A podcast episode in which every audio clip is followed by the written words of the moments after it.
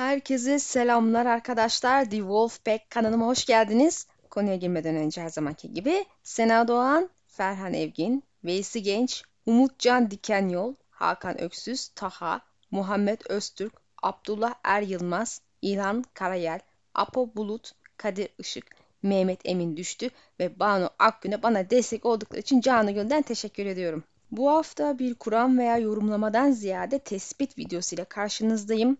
Ana konumuz 5 yıllık atlama olacak. Bu temelde çeviri yazısı olacak. Aslında her zamanki gibi video altına ekleyeceğim bağlantı adresi bırakarak.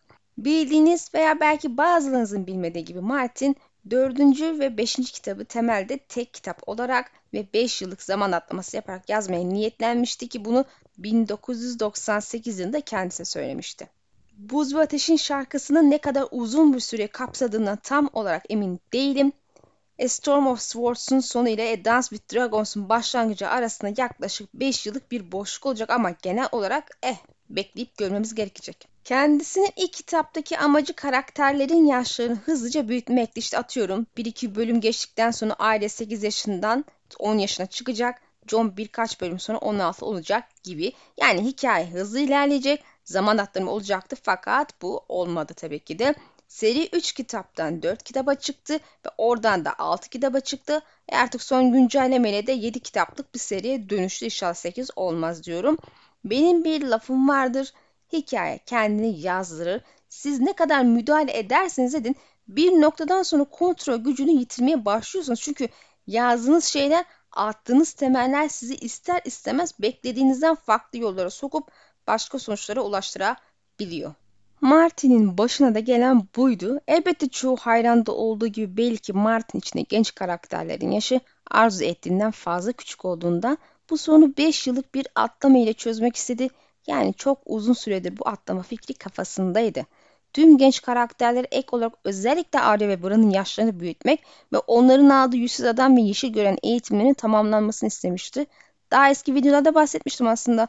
Eğitim bölümleri Martin için çok da eğlenceli değil. Bilhassa Bran'dan bahsediyoruz. Haliyle dördüncü kitaba gelindiğinde tam da planlandığı gibi 5 yıllık atlamaya göre kitabı yazmaya başladı ama bazı sorunlar baş gösterdi. Bizzat onun açıklamalarının derlemesiyle kısaca bir bakalım şu sorunlara. Martin ilk olarak 5 yıllık bir boşluk olduğunu ancak önemli olayların bu süre içinde gerçekleştiği fikriyle mücadele ettiğini bildirdi. Bu yüzden 5 yıllık arayı kaldırmaya ve Ejderhalarla Dans'ın 5. kitap olmasına karar verdi. Kış Rüzgarları 6. kitap olacak. Martin soru cevap bölümünde 5 yıllık aradan vazgeçmesinin en önemli nedeninin ne olduğunu açıkladı. Bir şeyin farkına vardığını söyledi. Aubrey'nin Dorne'daki ölümüne verilen tepkiyle başa çıkmak zorundaydı. Olayları ele alabilecek farklı yollar düşündü. Onları çok fazla konuşmadan özetleyebilirdi ama bunu yapmak istemedi. Bir nedenden ötürü tepki olmadığına ya da gecikmeli bir tepki olduğuna karar verilebilirdi ama bunu yapmak için bulabileceği nedenler mantıklı değildi. Sonunda bu hikayenin anlatılması gerektiğini fark etti. 5 yıl sonra geri dönebilirsin ve Arya 5 yıllık eğitim falan aldı veya ormanın çocukları ve yeşil tören tarafından alınan Bran böylece ona 5 yıl sonra geri dönebilirsin bu iyi onun için çalışıyor. Ama teknik olarak diğerleri için çalışmıyor arkadaşlar. Tabi bu konuda daha fazla açıklaması var ama hepsini eklemeye gerek yok. Özetle Arya ve Bran için işe yarayan 5 yıllık atlama hikayenin genelinde işe yaramıyor. Eksikliklere sebep oluyor. Onlar için uydurulan açıklamalar zayıf kaçıyor. Belli ki Martin bu iki karakterin büyümesi ve eğitimini tamamlamasına o kadar odaklanmıştı ki 5 yıllık atlamanın diğer karakterler ve olaylar için işe yaramayacağını uzun süre göremeden bu fikirle yola çıkıp kitabı yazmaya çalıştı. Elbette bu bende Arya ve Bran'ın eğitimlerinin tamamlanmalarının ve büyümelerinin ne kadar önemli olduğu düşüncesini doğuruyor. E zaten Arya'yı da kastederek 12 yaşında dünya fethetmesi gerekiyorsa öyle olsun demiştir. Yani bu iki karakter için planlanan büyük olaylar her ne ise mevcut yaşlarında yapacaklar. Atlama olmayınca tabi olarak kitap sil baştan yazıldı ve başta Martin'in Tyrion'un kefenli Lord ile tanışma bölümü ki aslında 5. kitaptaydı ve kitapta yer almadığı için üzüldü Daenerys ve Cersei paralellikleri gibi birçok olay örgüsü ortadan kalktı. Aslında Martin atlama olayını serçe parmağın ağzına şöyle bir şekilde özetliyordu. Oldukça sinir bozucu. Birkaç tohum ekmek ve bazı meyvelerin olgunlaşmasına izin vermek için 4 ya da 5 yıl sessiz geçirmeyi ummuştum ama şimdi Gaston besleniyor olmam iyi bir şey. Yine de Martin 5 yıllık boşluğu terk etmiş olsa da 3. kitabın anlatısını entegre etti ve 5 yıllık boşluğu göz önünde bulundurarak var ettiği tüm bu materyale tabii ki de hala sahip gözüküyor. Martin'in 3. kitapta önceden haber verdiğini gördüğünüz bazı noktaları inceleyeceğiz ve Martin hangi yöne gittiğini ve yayınlanan anlatıda bunu nasıl yeniden yazdığını inceleyeceğiz. Yani temelde bu video Martin 5 yıllık atlamayı yaptığında yazdığı olay örgülerinden hangisini birebir korumuş yahut biraz değiştirse de olay örgüsüne tematik olarak tutmuş onları tespit etmeye çalışacağız. Nehir her zaman Frey Lannister kuşatması altına girmesi planlanmış gözüküyor. Set parçası olarak ilk üç kitapta çok az bölge Nehir kadar büyük bir öneme sahipti. Starklar ve Lannister arasındaki büyük savaşlara, Catelyn'in ölü çocuklar için duyduğu kedere ve Rickard Karstark'ın idamını ev sahipliği yapan Nehirova 3. kitap sonlarında daha da öne çıkmaya hazırlanıyordu. Kılıçların fırtınasında Martin Toros'un alevler içindeki imgemelerinden bir aracılığıyla Nehir Ova'nın geleceğine dair epeyce öngörüde bulundu. Kızıl Rahip onun yanına çömeldi. Leydim dedi. Tanrı bana Nehir Ova'nın bir görüntüsünü bahşetti. Ateş denizinde bir ada gibi görünüyordu. Alevler uzun kızıl pençeleriyle sıçrayan aslanlardı ve nasıl da kükrüyorlardı. Bir Lannister denizleydim. Nehir yakına saldırı yürüyecek. Arya karnına yumruk yemiş gibi hissetti. Hayır, Tattım dedi Toros. Alevler yalan söylemez. Bazen onları yanlış okuyabiliyorum. Kör bir aptalım ama ben sanırım bu sefer değil.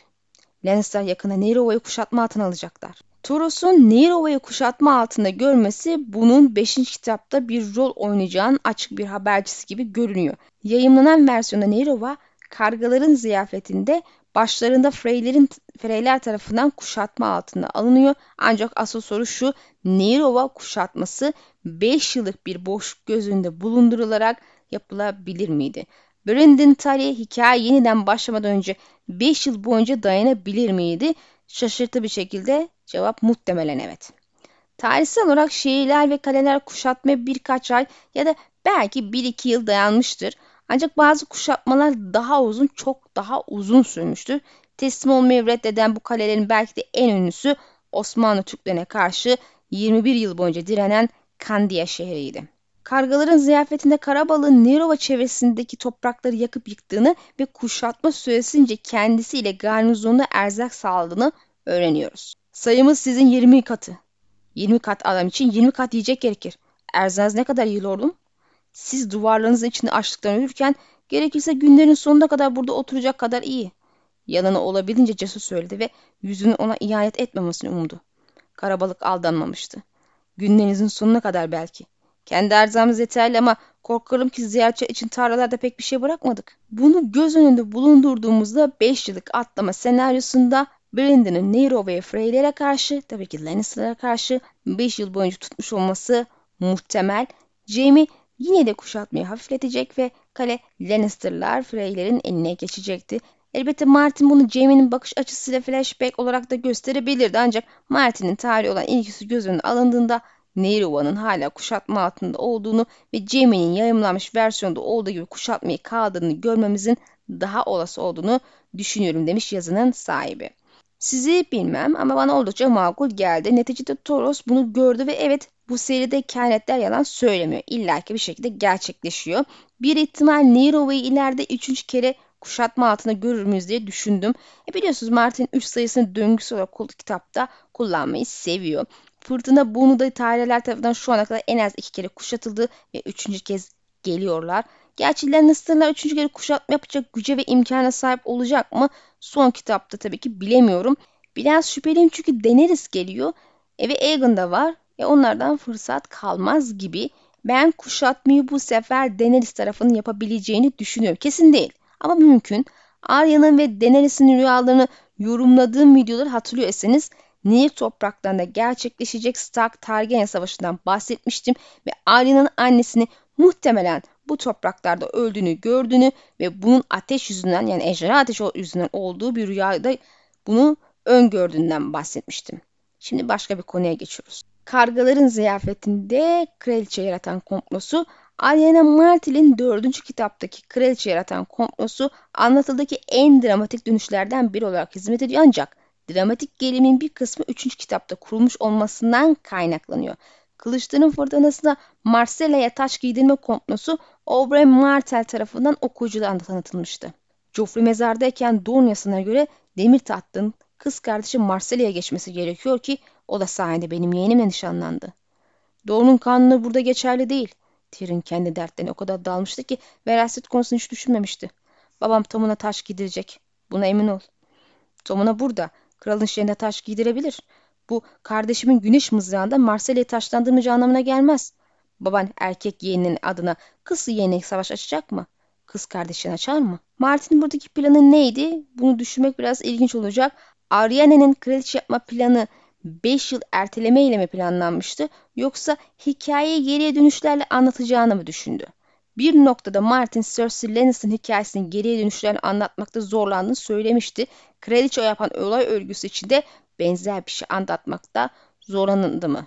Yazı sahibine göre diğer bir olasılık da Martin'in kraliçe yapma olay örgüsünü her zaman Kılıçların Fırtınası'nda olayların bitiminden 5 yıl sonra yazmayı planlamış olmasıdır. Belki de bu bağlamda Martin bunu Doğu'nun Aegon ya da Daenerys ile birleşme nedeninin bir parçası olarak kullanmayı düşünmüştür. Ben bir ek bilgi ekleyeyim bu konuda.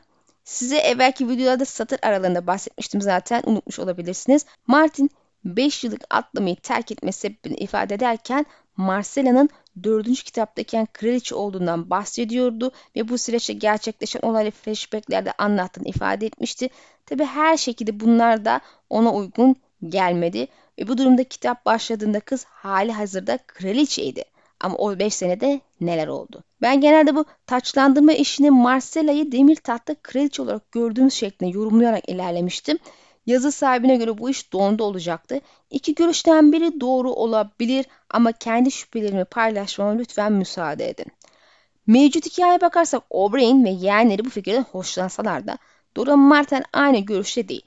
Dahası o kazanacağından emin olmadan harekete geçmeye niyeti olmayan yani, yani en düşük riskle hareket etmeyi tercih ediyor.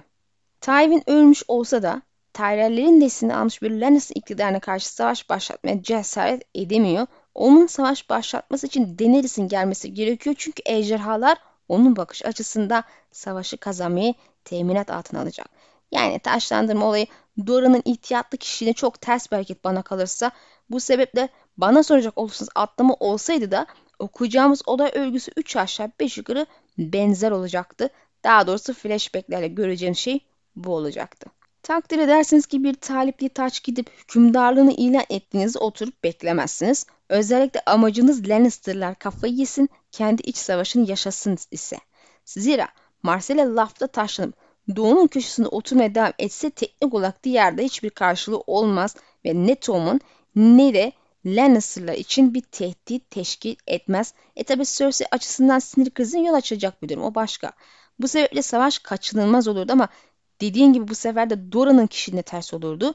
Elbette Martin hali hazırda nişanlı olan kızı Aegon ile evlendirip olayı ateşleme niyetliyse bilemiyorum ama 10 bin kişilik askeri gücü olan bir Aegon ile de savaş başlatma hevesi olmaz yani.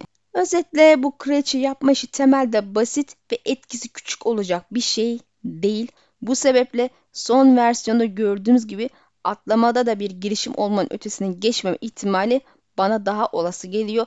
Marcella'ya taş giydirme arzusu Lannister'lar iç savaşa girip Targaryenler gibi birbirini yesin diyeydi. E, muhtemelen biz bunu kum yılanlarının Tom'unun zehirleyerek öldürüp Marcella'yı demir tahtta oturup oturtup kesin olmamakla beraber bir ihtimal yeğen Marta ile evlendirip annesiyle bir güç mücadelesine sokarak göreceğiz. E zaten bu e, taçlandırma muhabbeti, kızın kraliçe olma muhabbeti bir çao silahı haline geldi. Marcella'nın nişanlısından hoşlandığını, doğumları sevdiğini hatta bu taşlandırma işini gizleyerek yüzünün yaralanmasına martelleri korumak için yalan söylediğini söyleyeceğini unutmamak gerekiyor. Bu kızın hali hazırda da martel etkisine girmeye başladığını gösteriyor. Aynı etkiyle Cersei'nin tırnaklarının sökülmesi için kullanılabilir. Biliyorsunuz Cersei'yi alaşağı edecek kraliçenin Marcel olduğunu düşünüyorum. E bu şekilde hem daha trajik hem de sonu gelmeden evvel bunu yapabilecek hali hazırdaki tek kraliçe de kendisi. Yani bir Lannister iç savaşı entrika şeklinde de olsa yaşanacak görünüyor. Neticede kızı kraliçe yapmak ve annesine karşı kullanmak bir çevir silahı olay örgüsünün nasıl geliştiğinden ziyade burada sonuç önemli. Doğu'nun savaşa girmeden Lannister'ı zayıflatabileceği hatta Bones olarak tahtı da ele geçirebileceği en iyi senaryo bana kalırsa bu şekilde olur. Kılıçların fırtınasında Miri'nin kontrolü Daenerys Targaryen'e bırakılır ve Westeros'a gitmeden önce nasıl yönetileceğini öğrenmeye karar verir. Ancak Daenerys için ufukta belalar belirmektedir. Şehri yönetmek için Miren'de kalacağını yemin etmeden önce Astopor'dan bir elçi Miren'e gelir ve onu kötü haberler konusunda uyarır. Bu Yunkay köpeklerine güvenilmez efendim. Şimdi bile size karşı komplo kuruyorlar. Yeni vergiler topladılar ve şehir surlarının dışında talim yapılırken görülüyorlar. Savaş gemileri inşa ediyorlar. Batı'da yeni GIS ve Volantis elçiler gönderildi. İttifaklar kurmak ve paralı askerler kiralamak için. Hatta üzerinize bir kalasar yollamaları için Westotrak'a süvariler gönderdiler. Yunkai Daenerys Targaryen'e karşı savaşmak için yeniden silahlanıyordu ve Ejderha Kraliçesi'ni devirmek için bir ordu oluşturuluyordu. İlginç bir şekilde 5 yıllık boşluğun bu olay örgüsüne iyi çalışacağını kesinlikle görebilirsiniz. Belki de Yunka ile 1 veya 2 yılını bir ordu kurmak için harcarlar. 1 veya 2 yılda işte Astopor'u kuşatırlar ve sonunda Daenerys'in bir barış anlaşması yapmak zorunda kaldığı Miren'e yürürler.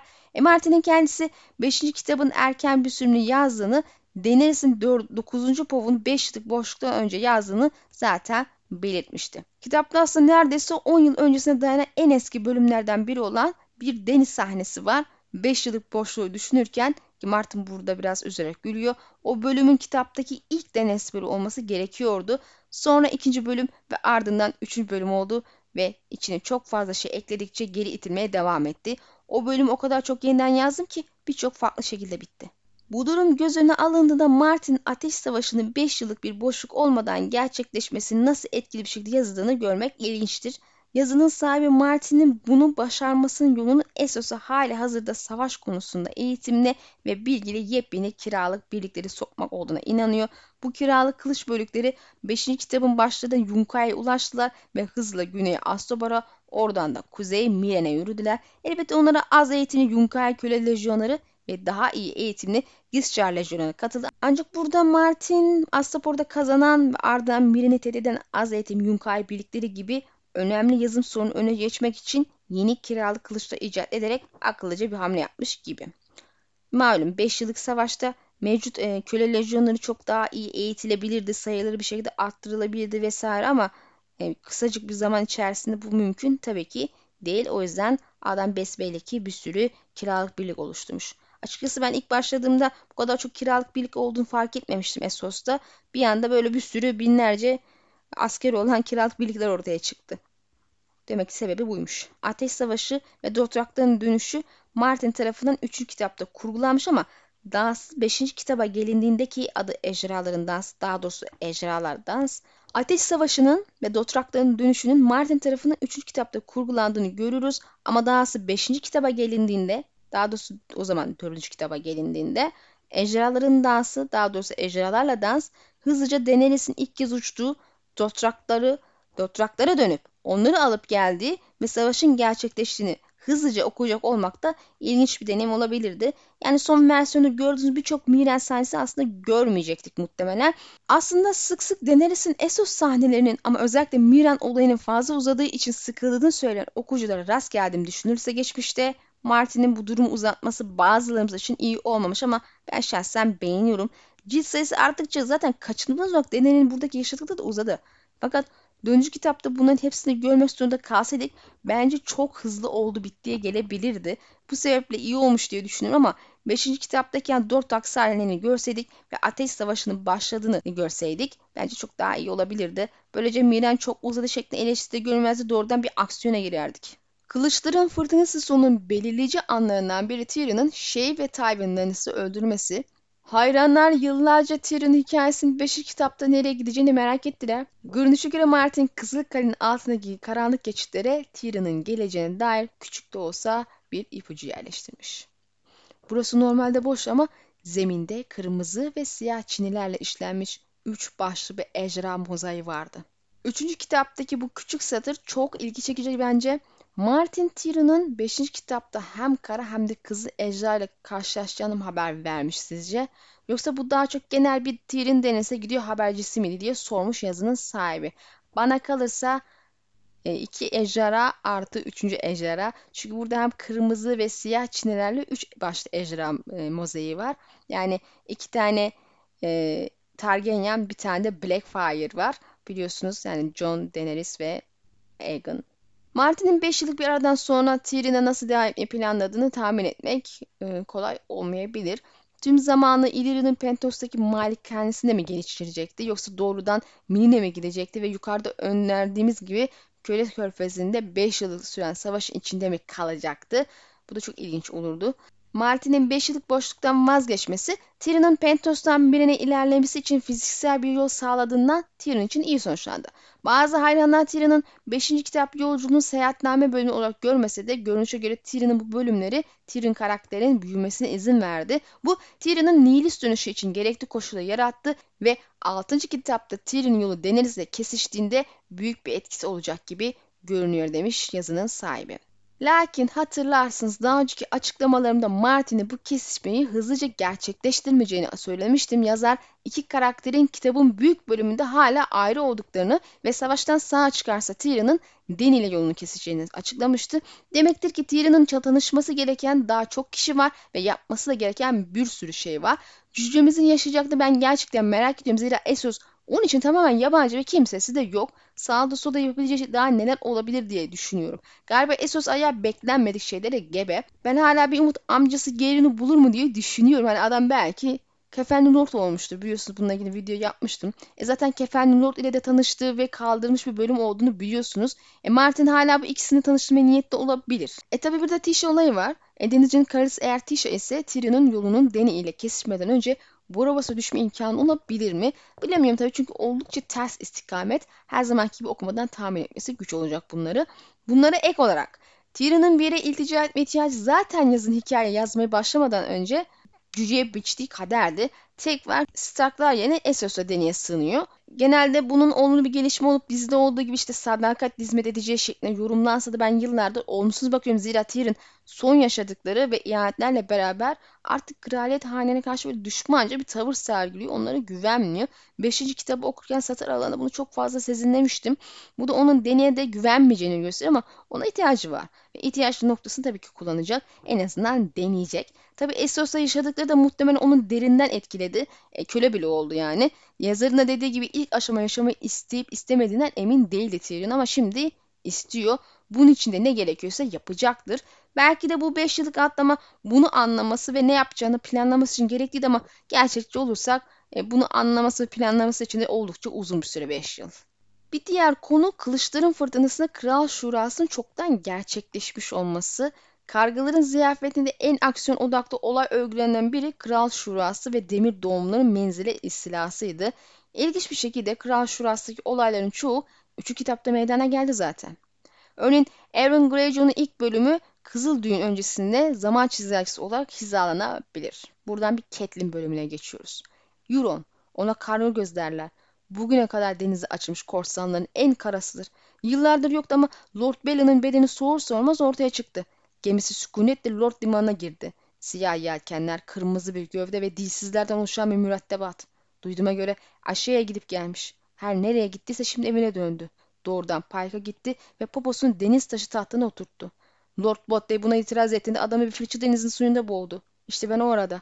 Ortalık karışmışken kaçabileceğim umuda Mirahamat'a koştum ve demir aldım. Kaçmayı başardım ve buradayım.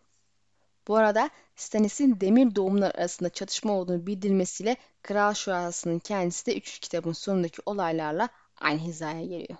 Demir adamlar Belen Greyjoy'un ölümünden beri kendi aralarında savaşıyordu ama yine de Mod Caelin'i Devirin Orman Kalesi'nin Torun Meydanı ve Taşlı Sahil'in çoğunu ellerinde tutuyorlar. Burada Martin'in 5 yıllık bir boşluk göz önüne bulundurarak demir doğumları nasıl ön plana çıkarmaya çalıştığını tahmin edeceğiz.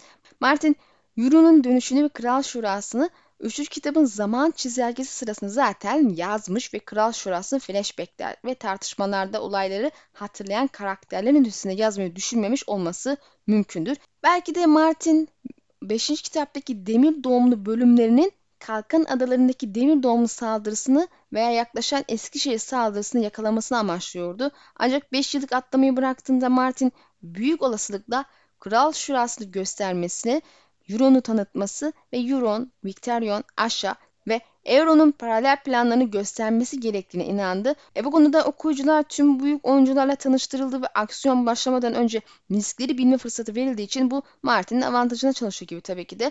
Aslında dikkat ederseniz konulara baktıkça 5 yıllık atlamanın gerçekten de ne kadar büyük bir hata olacağını yavaştan fark ediyorsunuz. Hayal edin yani 3. kitapta Euron ve Shura'yı hatta aralarındaki savaşı duyuyoruz ama sonraki kitapta Hope menzile saldırmışlar ve Euron diye birini görüyoruz. Arada yaşanan tüm olayla silip atın. Hikaye bir anda nasıl da fakirleşti ve muammalarla doldu. Kim bu? Neler yaşandı? 3-5 flashbacklerle bir şey anlatıyor ama ne kadar zayıf fakir bir hikaye. Bu sebeple atlamadan vazgeçmesine kendi adıma gerçekten sevindim. Her şeyden önce Euron'un o ünlü konuşmasını duymayacaktık. Lakin bence dikkat çekici önemli olan kısım da şu. Stannis ve Jon sahnesinde demir doğumlar arasındaki savaşlar olduğunu öğreniyoruz ama işin özünde de önceki kitaba baktığımızda pek de böyle bir durum söz konusu değil. Tam ufak tefek böyle böyle sürtüşmeler falan var. Adamı falan boğuyor yani öldürüyorlar vesaire. Neyse. Yani en azından birbirlerinin boğazına sarılmış değillerdi. Demektir ki Martin Euron'un kral olmasından sonraki 5 sene boyunca demir doğumlar arasında çok büyük olmasa bile mücadeleler planlamış gözüküyor. Tabi muhtemelen ilk senelerde Euron'un hakimiyet kurup filosunu büyütüp savaşı hazırlanmasıyla sona erecek bir 5 yıllık süreçti bu. Şimdi son konuya geçiyoruz. Blackfire ve John Connington. Ejderhaların dansı olarak övgülenen en tartışma konulardan biri de işte Aegon, John Connington altın mürettebat. Bazı hayranlar tanıtımlarını Martin için ucuz bir olay örgüsü cihazı olduğunu ve uygun bir olay örgüsüne sahip olmadığını düşünmüşler bu karakterlerin bu olay örgüsünün. Yani özetle hikaye çok geç girdiler ve at yapılır yok eleştirisi yapılmış. Yazının sahibi buna katılmıyormuş tabii ki. Kralların çarpışmasında Deni'nin oyuncunun ejderhası vizyonuyla başlayıp kılıçların fırtınasıyla devam eden Martin, Daenerys Targaryen ile sahte bir ejderha tat hakkı iddia eden Targaryen arasında bir çatışmanın temelini atmış görünüyor. Ek olarak John Connington ve Blackfire'ın tanıtımı 5. kitapta gelmedi arkadaşlar. 3. kitapta geldi. Çanlar Savaşı John Connington Blackfire ile ilk olarak Jaime tarafından 3. kitapta tanıtılmıştı. Hemen bir alıntıyla hatırlayalım. Jaime ateşin ve hatıraların içinde yüzüyordu. Dans eden Griffin'ler çanların savaşını kaybettikten sonra Aerys onu sürgün etti. Bunu neden bu çirkin ve tuhaf çocuğa anlatıyorum? Onun bocurgatla boğulacak önemsiz bir lord olmadığını sonunda anlamıştı. Robert, Targaryen hanedanın Daemon Blackfire'dan beri yüzleştiği en büyük tehditti. Daha sonra Harvin Arya'ya Çanlar Savaşı'nın ayrıntılarını anlatır. Deli Kral'ın adamları Robert'ın peşine düşmüştü. Onu tekrar babanızla birleşmeden önce yakalamaya çalışıyorlardı dedi Harvin kapıya doğru at. El Lord Connington heybetli kuvvetiyle kasabayı ele geçirip evliyi teker teker aramaya başlayan Robert yaralıydı. Bazı arkadaşlar onunla ilgileniyordu. Kralın adamları Robert'ı bulamadan Lord Edward ve büyük babanız kasabaya gelip duvarlara saldırdılar. Lord Connington bütün kuvvetiyle karşılık verdi. Caddelerde, ara sokaklarda hatta çatılarda dövüştüler. Bütün rahipler çanlarını çalıp kasaba halkının kapılarını kapatmak için uyardı. Robert çanları duyduğunda dövüşe katılmak için saklandığı yerden çıkmıştı. O gün altı adam katlettiği söylenir. Adamlardan biri Miles Mountain'du. Prens Regal'in yaver olan meşhur bir şövalye. Robert eli de katlederdi ama mücadele onları karşı karşıya getirmedi. Connington büyük babanız Sully'i ağır yaraladı ve vadenin kıymetlisi Sir Daenerys Ellen'i öldürdü ama mücadelenin kaybedildiğini anladığında kalkandaki Griffinler kadar hızlı bir şekilde kaçtı. Daha sonra mücadele Çanların Savaşı adı verildi. Robert her zaman bu zaferi onun değil babanızın kazandığını söylerdi. Blackfire'lara, iddialarına ve piçleri meşrulaştıran tehlikeye gelince Catelyn Stark bunların hepsini Rob'un ikizlere gelişinden hemen önce ön plana çıkartıyor. Bir piçi meşhur kılmanın bir yemini kardeşi yeminden azat etmekten daha çok emsali vardır. Emsal dedi Catelyn acı acı. Evet. Dördüncü Aegon ölüm döşeğindeki bütün piçlerini meşhur kıldı. Peki bu ne kadar acıya, kedere, savaşa, cinayete sebep oldu? Jon'a güvendiğini biliyorum. Ama onun oğullarına güvenebilir misin? Ya oğullarının oğullarına? Daemon Blackfire'ın taht talipleri Targaryen hanedanını 5 nesli boyunca rahatsız etti. Cesur Barris'in son tali basamak taşında katledene kadar. 5 yıllık atlama senaryosunda Martin ve onun John Connington, Aegon ve Altın Mürettebat hakkındaki yazılar için çok fazla sorun görünmüyor diye düşünüyor yazının sahibi.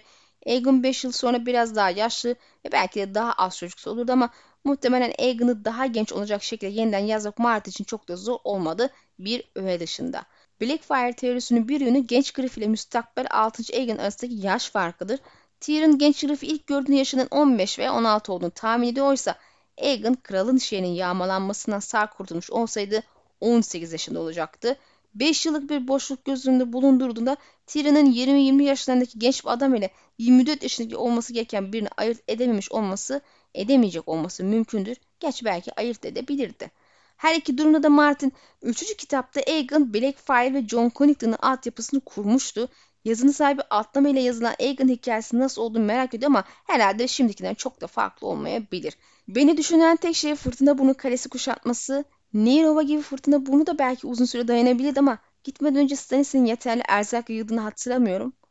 Gerçi belki gözümden de kaçmıştı ama açıkçası tarihte ender olan uzun kuşatmaları bu kadar sık aynı zaman çizgisinde görmek de hoş olmaz herhalde. E biliyorsunuz bir şeyin sık tekrar bir noktadan sonra insanı bayıyor ve zayıflatıyor senaryo. E kale ele geçirme konusunda Martin biraz fazla sık tekrarla girdiğini gireceğini zaten öngörüyoruz. Sonuca gelirsek 5 yıllık atlama için Kılıçların Fırtınası'nda önceden haber verilen bu 6 olay Martin'in başlangıçta 3. kitap sonrası anlatmak istediği hikaye türü için bir fikir sağlamaya yardımcı oluyor.